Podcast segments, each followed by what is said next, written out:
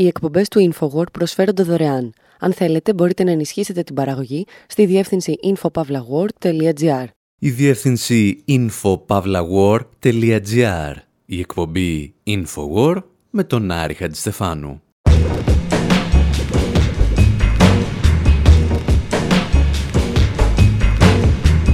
όπου σήμερα στεκόμαστε πάνω από το φέρετρο του Χένρι Κίσιγκερ όπως ο Μπομπ Ντίλαν στο τραγούδι Masters of War για να βεβαιωθούμε ότι πέθανε. Συζητάμε για έναν σεφ που ήθελε να σκοτώσει έναν εγκληματία πολέμου, αλλά τελικά ο σεφ αυτοκτόνησε και ο εγκληματίας μακροημέρευσε. Με αφορμή το θάνατο του μάγου της διπλωματίας, συζητάμε και για τον έναν αιώνα που πέρασε από τη γέννησή του, τον αιώνα των Ηνωμένων Πολιτειών, έναν από τους πιο σκοτεινούς αιώνες στην ανθρώπινη ιστορία. Παρακολουθούμε πάντα με τα μουσική ορισμένα από τα γνωστά και λιγότερο γνωστά εγκλήματα που πραγματοποίησε σε όλο τον κόσμο, ξεκινώντας από την ιστορία που ο ίδιος ήθελε να συγκαλύψει περισσότερο.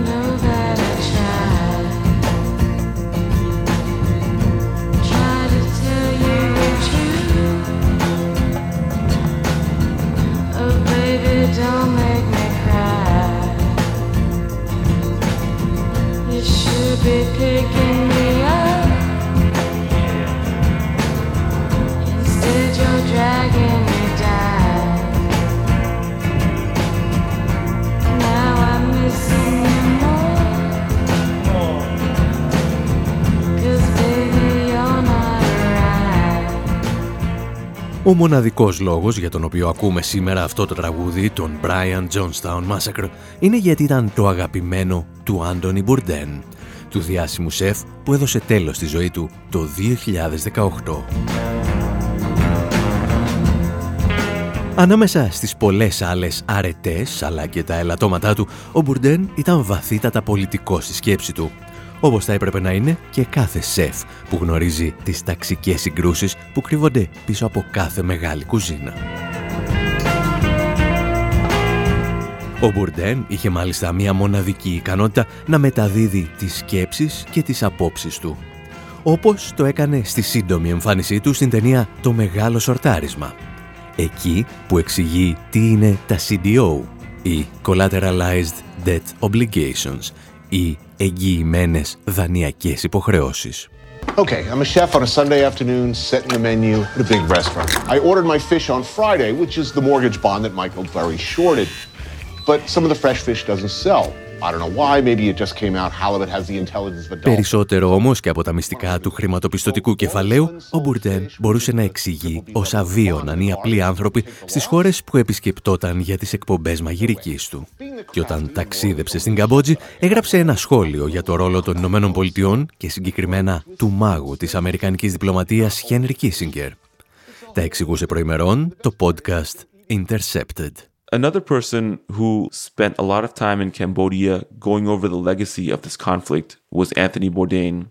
Uh, Ένας ακόμη από τους ανθρώπους που πέρασαν αρκετό καιρό στην Καμπότζη και παρακολούθησαν τις συνέπειες του πολέμου ήταν και ο Άντωνι Μπουρντέν. Ο Μαργαρίτη Σεφ έγραψε τα εξής στο βιβλίο του που κυκλοφόρησε το 2001. Από τη στιγμή που θα βρεθεί στην Καμπότζη, δεν θα σταματήσει ποτέ να θέλεις να σκοτώσεις τον Χένρι Κίσιγκερ, χτυπώντας τον με τα ίδια σου τα χέρια. Κάθε φορά που θα διαβάζεις σε μια εφημερίδα ότι αυτό το προδοτικό, επικίνδυνο και μουσταγές σύχαμα βρέθηκε σε κάποιο γκαλά φορώντας το σμόκι του, θα σου έρχεται ανακάτεμα. Αν δεις από κοντά τα αποτελέσματα πολιτικής σου στην Καμπότζη, δεν θα καταλάβεις ποτέ γιατί δεν κάθεται στο εδόλιο της Χάγης δίπλα στο Μιλόσεβιτς. And you'll never understand why he's not sitting in the dock at The Hague next to Milosevic. Αυτό το προδοτικό, επικίνδυνο και αιμοσταγές σύχαμα που θα έλεγε και ο Μπουρντέν δεν μετάνιωσε ποτέ για τα εγκλήματα πολέμου και τα εγκλήματα κατά της ανθρωπότητας που πραγματοποιήθηκαν με εντολές του. Παρ' όλα αυτά υπήρχε μία περίπτωση η οποία θα ήθελε να ξεχαστεί και αυτή ήταν η Αμερικανική εισβολή στην Καμπότζη. Ακούστε πώς αντέδρασε όταν του τη θύμισαν πριν από μερικές ημέρες.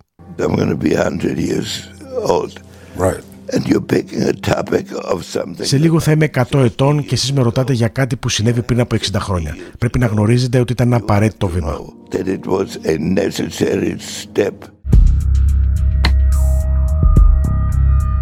Σε ελεύθερη απόδοση δηλαδή, ο Κίζιγκερ είπε «Εγώ έχω γενέθλια και εσείς ασχολείστε με 150.000 αμάχους που σκότωσα πριν από περίπου 60 χρόνια».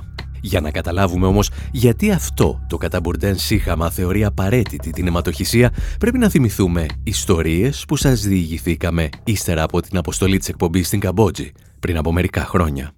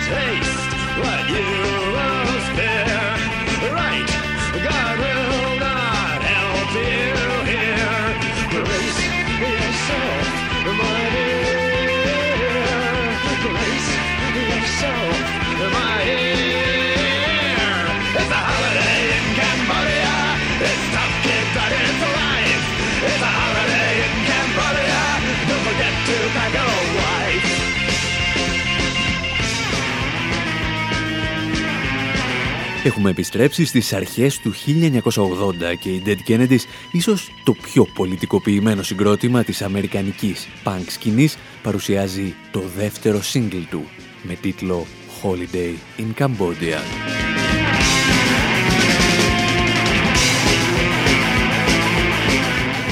Ο ήχος είναι σκληρός, ακόμη πιο σκληρό όμως είναι το εξώφυλλο του δίσκου. Η φωτογραφία δείχνει ένα μέλος ακροδεξιάς παραστρατιωτικής οργάνωσης της Ταϊλάνδης να χτυπά με μια σιδερένια καρέκλα το κρεμασμένο πτώμα ενός αριστερού φοιτητή. Στο Holiday in Cambodia πάντως, για να επιστρέψουμε στη δική μας ιστορία, οι Dead Kennedys τραγουδούν για το καθεστώς του Pol Pot. Περιγράφουν τις συνθήκες εργασίας σε στρατόπεδα συγκέντρωσης, όπου η δουλειά αμείβεται με ένα πιάτο ρύζι και τα κάνουν όλα αυτά ενώ παράλληλα ασκούν κριτική στις Ηνωμένες Πολιτείες.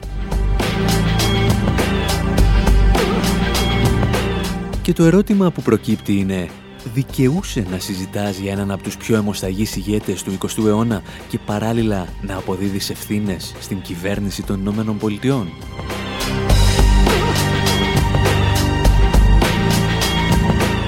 Για να απαντήσουμε θα πρέπει για μία ακόμη φορά να πάρουμε την ιστορία μας από ελαφρώς πιο πίσω. Ο Πολ Πότ ήταν ένα από τα τέκνα της αστικής τάξης της Καμπότζης, ο οποίος θα βρεθεί στη Γαλλία για σπουδές. Εκεί εντάσσεται σε σταλινικές ομάδες του Γαλλικού Κομμουνιστικού Κόμματος. Επιστρέφοντας, ασπάζεται και τις ιδέες του Μάο και δημιουργεί στο μυαλό του έναν επικίνδυνο αχτάρμα. Ο ίδιος, όπως και η επίσημη ιστορία της δύσης θα τον καταγράψει σαν μαρξιστή. Στην πραγματικότητα, ο Πολ Πότ έχει τόση σχέση με το μαρξισμό όσο είχε ο Χίτλερ με το σοσιαλισμό και ένας λαγός με ένα θερμοσύφωνο.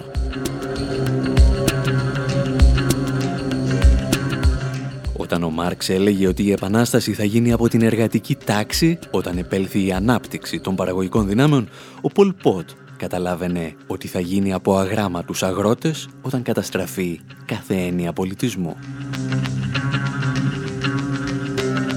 Και για να πετύχει αυτό που ο ίδιος αποκαλούσε επανάσταση, ξεκίνησε μια πραγματική γενοκτονία. Φυλάκιζε, βασάνιζε και εκτελούσε όσους μιλούσαν ξένες γλώσσες, όσους είχαν πτυχία πανεπιστημίου, αλλά ακόμη και όσους φορούσαν γυαλιά. Σήμερα ο επισκέπτης της Πλόμπενχ μπορεί να επισκεφτεί το περίφημο κολαστήριο S21, το κτίριο όπου κρατούνταν και βασανίζονταν οι αντίπαλοι του καθεστώτος. Και αν έχει λίγο περισσότερο χρόνο, μπορεί να πάρει ένα ταξί και να βρεθεί στις περιοχές των εκτελέσεων, στα περίφημα Killing Fields. Εκεί όπου στρατιώτες του Πολ Πότ σκότωναν ακόμη και βρέφη, χτυπώντας τα κεφάλια τους σε δέντρα για να μην ξοδεύουν σφαίρες. Πώς φτάνει όμως ένας αιμοσταγής δικτάτορας στην εξουσία όταν γύρω του μένεται ο πόλεμος της Ενδοκίνας. Χρειάστηκε τη βοήθεια ενός κυρίου για τον οποίο θα τραγουδήσουν μερικά χρόνια αργότερα οι Monty Python.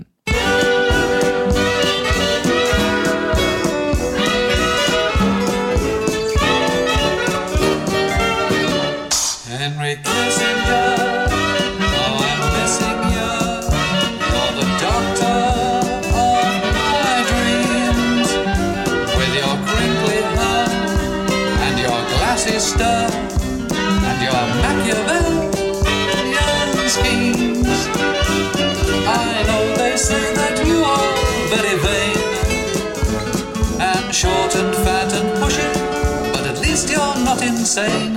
Henry Kissinger, how I'm missing you and wishing you were here. Henry Kissinger. Henry Kissinger τραγουδούν οι Monty Python. Όλοι λένε ότι δεν ενδιαφέρεσαι, αλλά εγώ ξέρω ότι έχεις πιο ωραία πόδια από τον Χίτλερ και μεγαλύτερο στήθος από την Σέρ. Ο μάγος της Αμερικανικής διπλωματίας, τον οποίο κορόιδευαν οι Monty Python, πάντα στο πλευρό του πρόεδρου Ρίτσαρτ Νίξον, θα επιβλέψει το 1970 την ανατροπή του ηγέτη της Καμπότζης, πρίγκιπα Σιχανούκ. Η CIA θα τοποθετήσει στη θέση του τον στρατηγό Λον Νόλ και ένα μήνα αργότερα ο Νίξον ανακοινώνει την αποστολή στην Καμπότζη 20.000 στρατιωτών. Good evening, my fellow Americans. Ten days ago, in my report to the nation on Vietnam,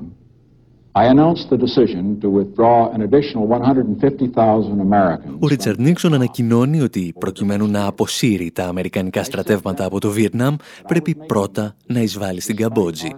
Μια πολιτική που θα ακολουθήσουν αργότερα και οι πρόεδροι Μπούς και Ομπάμα για το Αφγανιστάν.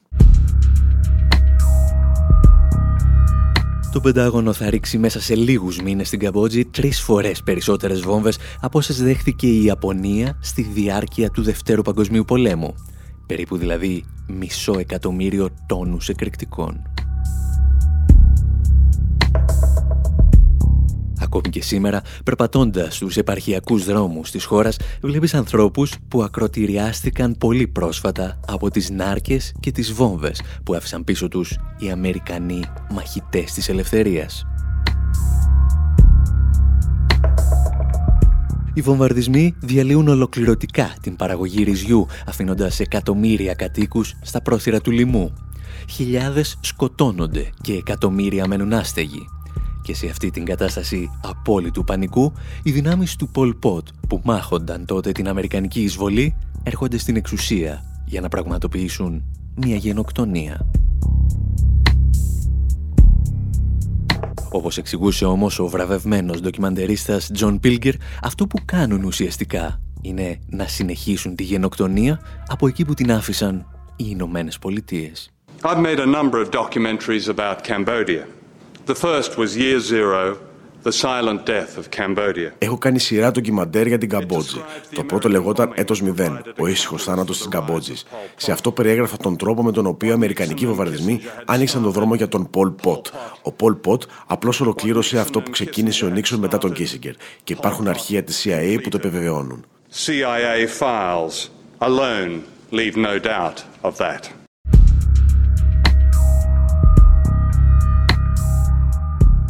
Καθώς συμπληρώνονταν 100 χρόνια από τη γέννηση του Χένρι Κίσιγκερ, η ιστοσελίδα The Intercept έφερε στο φως νέα στοιχεία για προσωπικές επιλογές του Κίσιγκερ που στήχησαν τη ζωή εκατοντάδων ακόμη αθώων ανθρώπων στην Καμπότζη. Ανθρώπων που μία ημέρα είδαν αμερικανικά βομβαρδιστικά να ισοπεδώνουν τα χωριά τους και να πολτοποιούν τα παιδιά τους, χωρίς ποτέ να καταλάβουν γιατί η χώρα τους δέχθηκε επίθεση από τον ισχυρότερο στρατό του πλανήτη. Επειδή όμως την ίδια απορία έχουν και μερικές ακόμη εκατοντάδες εκατομμύρια άνθρωποι σε όλο τον κόσμο, εσείς μένετε εδώ.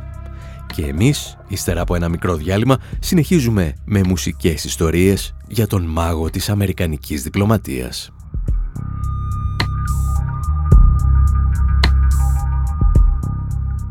Οι εκπομπές του InfoWord προσφέρονται δωρεάν. Αν θέλετε, μπορείτε να ενισχύσετε την παραγωγή στη διεύθυνση infopavlagor.gr.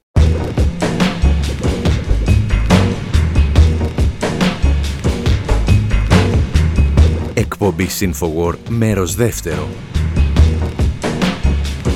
όπου με αφορμή το θάνατο του Χένρι Κίσιγκερ συγκεντρώσαμε μερικές ιστορίες που έχουμε πει για αυτόν στα 15 χρόνια αυτής της εκπομπής.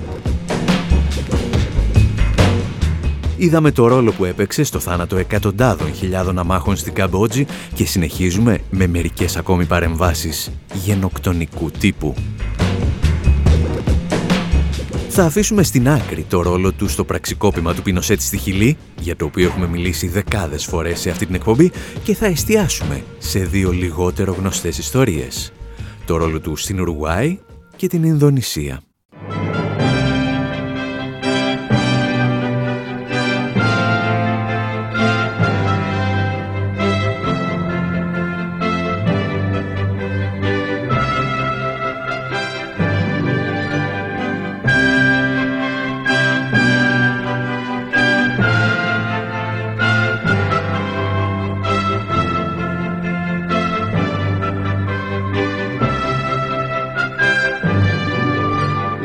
Αν σας θυμίζει κάτι η μουσική, είναι γιατί θα την έχετε ακούσει στο σύριαλ του BBC με τις ιστορίες της Miss Marple. Η ηρωίδα της Αγκάθα Κρίστη που πρωταγωνιστούσε σε 12 από τα βιβλία αστυνομικού μυστηρίου. Μια φαινομενικά καλοκάγαθη γιαγιά που πάντα απέδιδε δικαιοσύνη μιλώντας κάπως έτσι. And then quite unexpectedly, Letitia died. And Charlotte knew that Letitia had quite a large sum of money to inherit. Αυτό που ελάχιστοι γνωρίζουν είναι ότι η Miss Marple ήταν στην πραγματικότητα ο εγκέφαλος μιας επαναστατικής οργάνωσης στη Νότια Αμερική. Για την ακρίβεια, δεν το γνώριζε ούτε η ίδια. Οι θρηλυκοί αντάρτες του Παμάρος της Ουρουγουάης είχαν αποδώσει στην φανταστική περσόνα της Miss Marple τον τίτλο του επίτιμου προέδρου της οργάνωσης. Και το ερώτημα είναι, μπορεί μια οργάνωση με ηγέτη τη Miss Marple να είναι σοβαρή; Η Η Τουπαμάρος είναι η οργάνωση στο όνομα της οποίας πίνει νερό κάθε ομάδα που αυτό αποκαλείται Αντάρτικο Πόλεων. Είναι η οργάνωση για την οποία σε κάθε επέτειο του Πολυτεχνείου ακούγεται και το σύνθημα Ho του Παμάρος Βιετκόγκ. Πόσο καλά γνωρίζουμε όμως τους Τουπαμάρος και κυρίως ποιοι δικαιούνται να τους πιάνουν στο στόμα τους. Εάν δεν έχετε κάτι καλύτερο να κάνετε, θα σας παρακαλέσουμε να μας ακολουθήσετε μέχρι την Ουρουγουάη, γιατί έχουμε μια ιστορία να σας πούμε.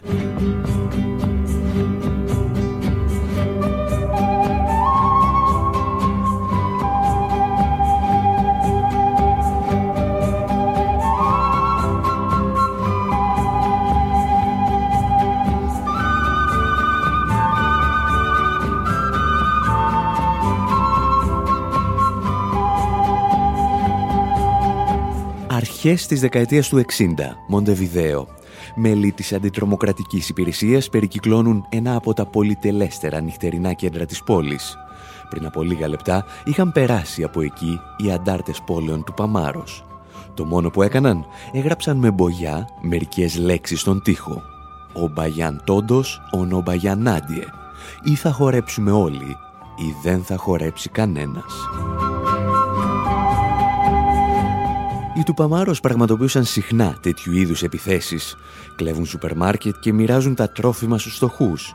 Ενίοτε χτυπάνε και τράπεζες και δίνουν τα κλοπημαία στους πεινασμένους του Μοντεβιδέο. Οι Τουπαμάρος θα πάρουν το όνομά τους από έναν επαναστάτη των Ίνκας και συγκεκριμένα από τον Χωσέ Γκαμπριέλ του Πακαμάρου τον δεύτερο. Ήταν ο άνθρωπος που οργάνωσε την εξέγερση των Ιθαγενών του Περού απέναντι στους Ισπανούς κατακτητές και οι Ισπανοί τον εκτέλεσαν στα σκαλοπάτια του καθεδρικού του Κούσκο. Οι του Παμάρος της Ουρουγουάης όμως δεν μάχονται ξένους, αλλά ντόπιους κατακτητές. Η οργάνωση προκύπτει από ομάδες αγροτών και συνδικαλιστών. Έχει δηλαδή βαθιές κοινωνικές ρίζες. Και μόνο έτσι καταφέρνει να κερδίσει την υποστήριξη των κατοίκων της Ουρουάης. Το κράτος τους αποκαλεί τρομοκράτες, κάποιοι άλλοι τους λένε αντάρτες. Οι ίδιοι αρνούνται και τους δύο χαρακτηρισμούς. Δηλώνουν ότι είναι πολιτικό κίνημα και πως δεν θα χρησιμοποιήσουν βία εάν δεν υπάρχει απόλυτη ανάγκη. Θα κάνουν όμως κάτι πολύ δυνατό και εν τέλει βίαιο απάγουν και ανακρίνουν μέλη του καθεστώτος για να αποκαλύψουν τι πραγματικά συμβαίνει στη χώρα τους. Είναι τρομοκράτες, δημοσιογράφοι ερευνητές. Έχουμε φτάσει στο 1968, τη χρονιά που στο Παρίσι στην Οντεοδοφράγματα ο πρόεδρος της Ουρουγουάης καταλύει το Σύνταγμα για να αντιμετωπίσει εργατικές κινητοποιήσεις φυλακίζει και βασανίζει διαδηλωτές και συνδικαλιστές, καταργεί κάθε μορφή ελευθεροτυπίας και οι του Παμάρος λαμβάνουν θέσεις μάχης. Απέναντί τους δεν έχουν μόνο την κυβέρνηση της Ουρουγουάης, αλλά τις Ηνωμένες Πολιτείες. Ο Φιλίπ Πατζή, πρώην πράκτορας της CIA, εξηγούσε τι σήμαινε να ζεις τότε στην πίσω αυλή της Ουάσιγκτον.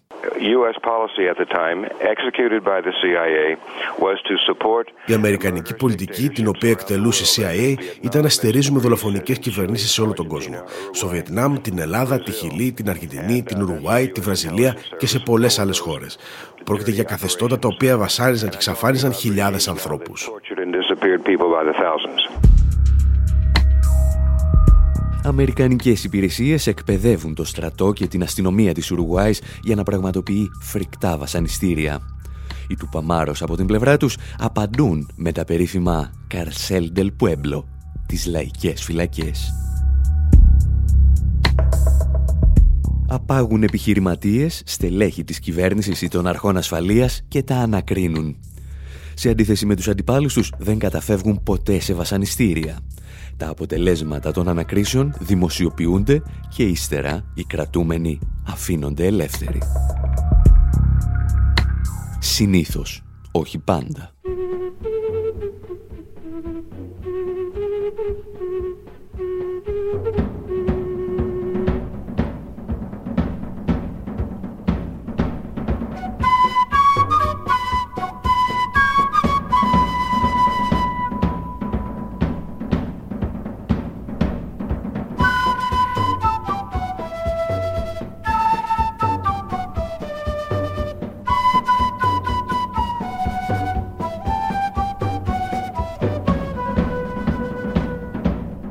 Μουσική που ακούμε έγραψε ο Μίκης Θεοδωράκης για την ταινία του Κώστα Γαβρά «Κατάσταση πολιορκίας». Μια αληθινή ιστορία των Τουπαμάρος. Ένα αληθινό Καρσέλ Ντελ Πουέμπλο. Το 1970 οι Τουπαμάρος απαγάγουν τον Ντανιέλ Μητριώνε. Είναι ο άνθρωπος του FBI και της CIA στην Ουρουγουάη. Ο άνθρωπος που εκπαιδεύει βασανιστές σε αρκετές χώρες της Νότιας Αμερικής. Στην ταινία ο Μητριώνε μετονομάζεται σε Σαντορί και τον υποδίεται ο Ιβμοντάν. Και η ανάκριση του Αμερικανού αρχιβασανιστή πηγαίνει κάπως έτσι. Alors comme ça, monsieur Santoré, avant d'arriver dans notre pays, vous avez été aussi au Brésil. Λοιπόν, κύριε Σαντορή, πριν έρθετε στη χώρα μας, ήσασταν στη Βραζιλία για το στετοτικό πραξικόπημα. Βρισκόσασταν εκεί πριν, κατά τη διάρκεια και μετά το πραξικόπημα, το οποίο ανέτρεψε τη Βουλή, απαγόρευσε τη δράση των κομμάτων, φήμωσε την ελευθερία του τύπου και τα συνδικάτα. La liberté de la presse, les syndicats, vous vous êtes resté. Οι κατηγορίες που εξαπολύουν οι του Παμάρος εναντίον του Αμερικανού αξιωματούχου δεν είναι καθόλου τυχαίες.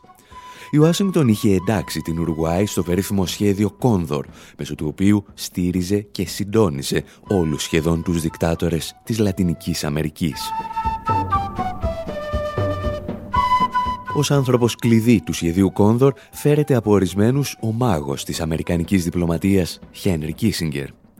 Στην Ουρουγουάη μάλιστα αρκετές οικογένειες θυμάτων ζητούσαν ακόμη και πριν από μερικά χρόνια την έκδοσή του για εγκλήματα κατά της ανθρωπότητας. In Uruguay, the family of a victim of the 12-year U.S.-backed dictatorship has asked for the extradition of former Secretary of State Henry Kissinger. Την έκδοση του Αμερικανού πρώην Υπουργού Εξωτερικών Χένρι Κίσιγκερ ζήτησε η οικογένεια θύματος της δικτατορίας της Ουρουγουάης, η οποία είχε την στήριξη των Ηνωμένων Πολιτειών. Το θύμα συνελήφθη το 1976 και οδηγήθηκε στην Αργεντινή, όπου πιθανότατα εκτελέστηκε. Η οικογένεια του θύματος υποστηρίζει ότι ο Κίσιγκερ έπαιξε καθοριστικό ρόλο στο σχέδιο Κόνδορ. Πρόκειται για συμφωνία μεταξύ των δικτατόρων της Λατινικής Αμερικής για τη βίαιη καταστολή των πολιτικών αντιφρονούντων.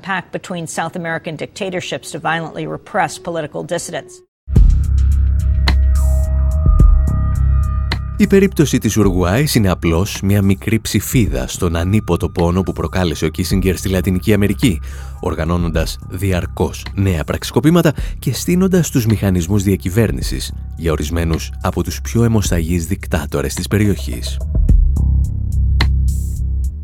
Η Ήπειρος όμως, όπου τα θύματα του μετρέονται σε εκατοντάδες χιλιάδες και ίσως σε εκατομμύρια, παραμένει η Ασία. Επόμενος σταθμός μας λοιπόν, Ινδονησία.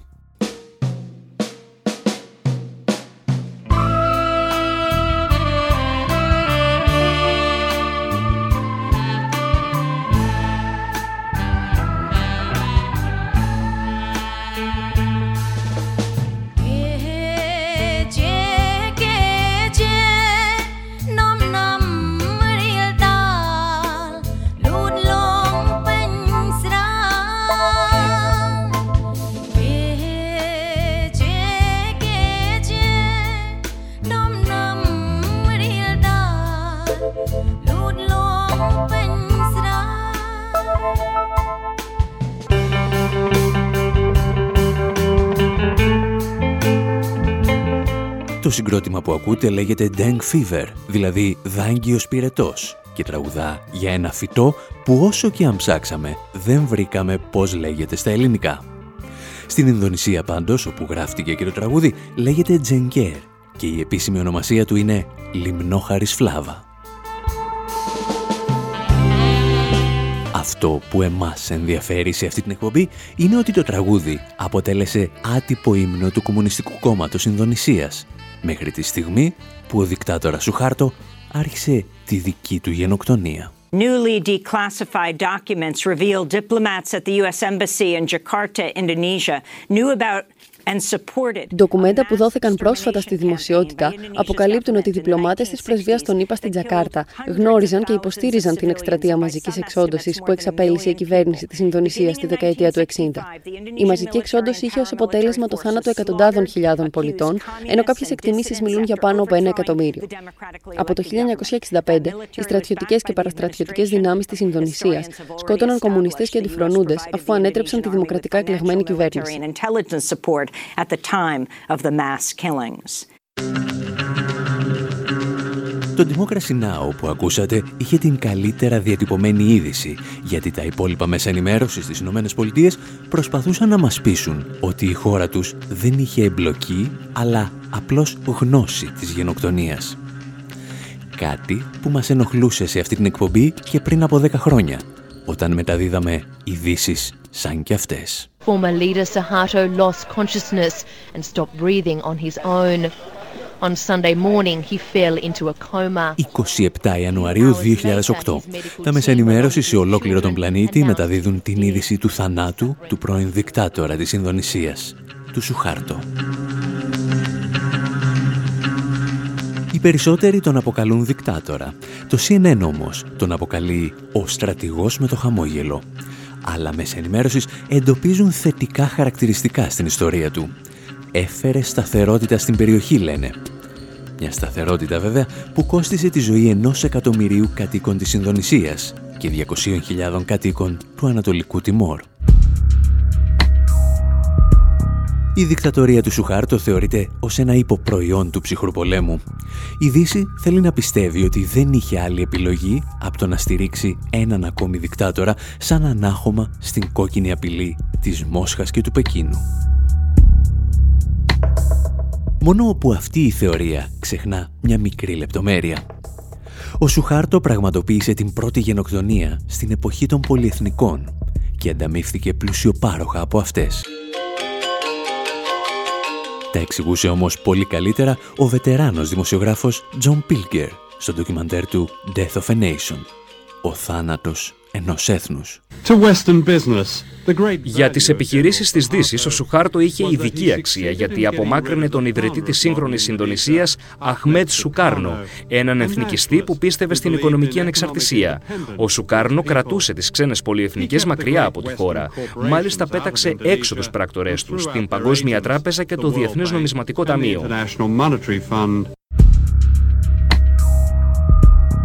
Ο Σουχάρτο λοιπόν ανατρέπει τον Σουκάρνο και με τη βοήθεια των Ισλαμιστών ξεκινά μία από τις μεγαλύτερες γενοκτονίες στην ιστορία της ανθρωπότητας. Η Δύση σιγοσφυρίζει αμέριμνα καθώς σφαγιάζονται ένα εκατομμύριο άνθρωποι, σε πολύ μεγάλο ποσοστό κομμουνιστές. Ο τότε ανταποκριτής του BBC, ο Ρόλαν Τσάλις, στην Ινδονησία, θα μιλήσει αργότερα για συνενοχή του Λονδίνου στη γενοκτονία. Τις πρώτες ημέρες οι Βρετανικές πηγές προσποιούνταν ότι δεν γνώριζαν τι συνέβαινε. Φυσικά και γνώριζαν. Η θάλασσα και τα ποτάμια ξέβραζαν πτώματα. Υπήρχαν πτώματα ακόμη και έξω από τους τοίχους του Βρετανικού προξενείου, στην πόλη Σουραμπάγια. Η Δύση όμως δεν έκλεισε απλώς τα μάτια. Όπλισε το χέρι των δολοφόνων. Ακούμε και πάλι τον Τζον Πίλγκερ. Η CIA είχε προσφέρει μία λίστα με 5.000 ονόματα αντικαθεστωτικών για να εκτελεστούν. Τα στελέχη της Αμερικανικής Πρεσβείας έσβηναν με μία γραμμή κάθε όνομα που δολοφονούνταν. Και όταν ο Σουχάρτος σκότωσε ένα εκατομμύριο αντιφρονούντες, ήταν έτοιμος να ανοίξει τις πόρτες του σε πολυεθνικές επιχειρήσεις. Σε εταιρείες όπως η American Express, η General Motors, η Siemens και άλλες. Ένα χρόνο μετά το λουτρό αίμα τους, η οικονομία της Ινδονησίας σχεδιάστηκε από το μηδέν στις Ηνωμένες Πολιτείες. Η Δύση απέκτησε πρόσβαση σε τεράστια αποθέματα πρώτων υλών, νέες αγορές και φθηνό εργατικό δυναμικό. Αυτό που ο πρόεδρος Νίξον αποκαλούσε το μεγαλύτερο τρόπεο στην Ασία. Για να μοιράσουν αυτό το τρόπεο, οι πλουσιότεροι επιχειρηματίες του πλανήτη πραγματοποιούν μια ιστορική συνάντηση στην Ελβετία. In 1967, Το 1967 η εταιρεία Time Life χρηματοδότησε μια διάσκεψη στην Ελβετία στην οποία καθορίστηκε η επιχειρηματική εξαγορά της Ινδονησίας. Συμμετείχαν οι ισχυρότεροι επιχειρηματίες του πλανήτη. Άνθρωποι όπως ο David Rockefeller, εταιρείες όπως η General Motors, η ICI, η British American Tobacco, η American Express και η Siemens. Απέναντί τους κάθονταν πολιτικοί από την Ινδονησία, τους οποίους είχε εγκρίνει ο Σουχάρτο. Across the table were Indonesian leaders approved by General Suharto. Η προσφορά του Σουχάρτο προς τη Δύση όμως δεν έχει ολοκληρωθεί ακόμη.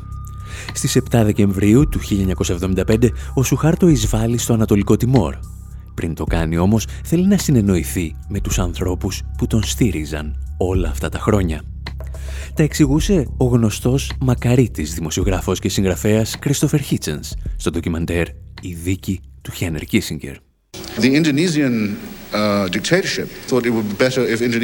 Η δικτατορία της Ινδονησίας ήθελε να καταλάβει τους ανθρώπους και τα εδάφη του Ανατολικού Τιμόρ. Κατέστρωσαν λοιπόν ένα σχέδιο για την κατάληψη της χώρας και τη γενοκτονία του πληθυσμού. Αυτό όμως που δεν είναι τόσο γνωστό είναι ότι την ημέρα που οι στρατηγοί έλαβαν αυτή την απόφαση, μαζί τους στο ίδιο δωμάτιο, καθόταν και ο Χένρι Κίσιγκερ. Στο ίδιο δωμάτιο με τον Κίσιγκερ βρισκόταν όμως και ένας άλλος κύριος, ελαφρώς πιο σημαντικός. Ο πρόεδρος των Ηνωμένων Πολιτειών, Τζέραλτ Φόρντ. Το τι διημήφθη εκείνη την ημέρα μεταξύ του Σουχάρτο, του Φόρντ και του Κίσιγκερ παρέμενε για χρόνια επτά στο μυστικό. Τα πρακτικά της συνάντησης όμως ήρθαν κάποτε στο φως και η στοιχομηθεία που έκρινε το μέλλον μιας ολόκληρης χώρας πήγαινε κάπως έτσι. Suharto, I would like to speak to you, Mr. President, about another problem, Timor. Σουχάρτο, θα ήθελα να σας μιλήσω κύριε Πρόεδρε και για ένα άλλο πρόβλημα, το Τιμόρ. Θέλουμε τη συγκατάθεσή σας αν χρειαστεί να λάβουμε άμεσα δράση. Φόρντ, θα δείξουμε κατανόηση και δεν θα σας πιέσουμε. Κίσιγκερ, καταλαβαίνετε βέβαια ότι η χρήση αμερικανικών όπλων ίσως προκαλέσει προβλήματα. Ό,τι και αν κάνετε θα πρέπει να έχει άμεσα αποτελέσματα. Εμείς θα καταφέρουμε να ελέγξουμε τις αντιδράσεις στις Ηνωμένες Πολιτείες. Ό,τι και αν κάνετε όμως πρέπει να γίνει αφού θα έχουμε επιστρέψει happens, happens after we return. Ο Φόρτ και ο Κίσιγκερ επιβιβάζονται στο προεδρικό αεροσκάφος και αναχωρούν αμέσως από την Ινδονησία για τις Ηνωμένες Πολιτείες. Ο Σουχάρτο όμως βιάζεται. Πριν ακόμη το προεδρικό αεροσκάφος μπει στον Αμερικανικό εναέριο χώρο, η Ινδονησία έχει εισβάλει στο Ανατολικό Τιμόρ. Οι δυνάμεις του Σουχάρτο προχωρούν σε μία ακόμη εθνοκάθαρση. Σκοτώνουν 200.000 άτομα, έναν στους τρεις κατοίκους της χώρας. Οι αναφορές που φτάνουν από το Ανατολικό Τιμόρ είναι και πάλι φρικιαστικές.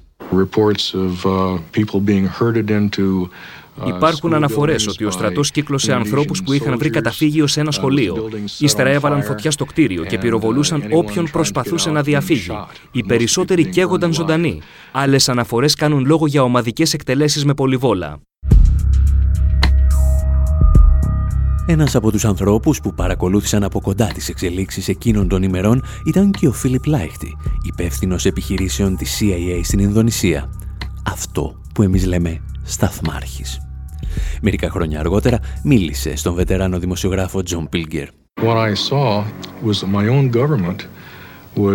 Κατάλαβα ότι η κυβέρνηση της χώρας μου εμπλεκόταν ενεργά στο τι συνέβαινε στο Ανατολικό Τιμόρ. Εμείς προσφέραμε τα περισσότερα όπλα. Ελικόπτερα, επιμελητιακή υποστήριξη, τρόφιμα και πυρομαχικά. Δηλαδή, ό,τι χρειαζόταν ο Ινδονησιακός στρατός για να πραγματοποιήσει αυτό τον πόλεμο. Ήμουν σίγουρος, πέραν κάθε αμφιβολίας, ότι ο Σουχάρτο είχε πάρει το πράσινο φως από εμάς για να κάνει ό,τι έκανε.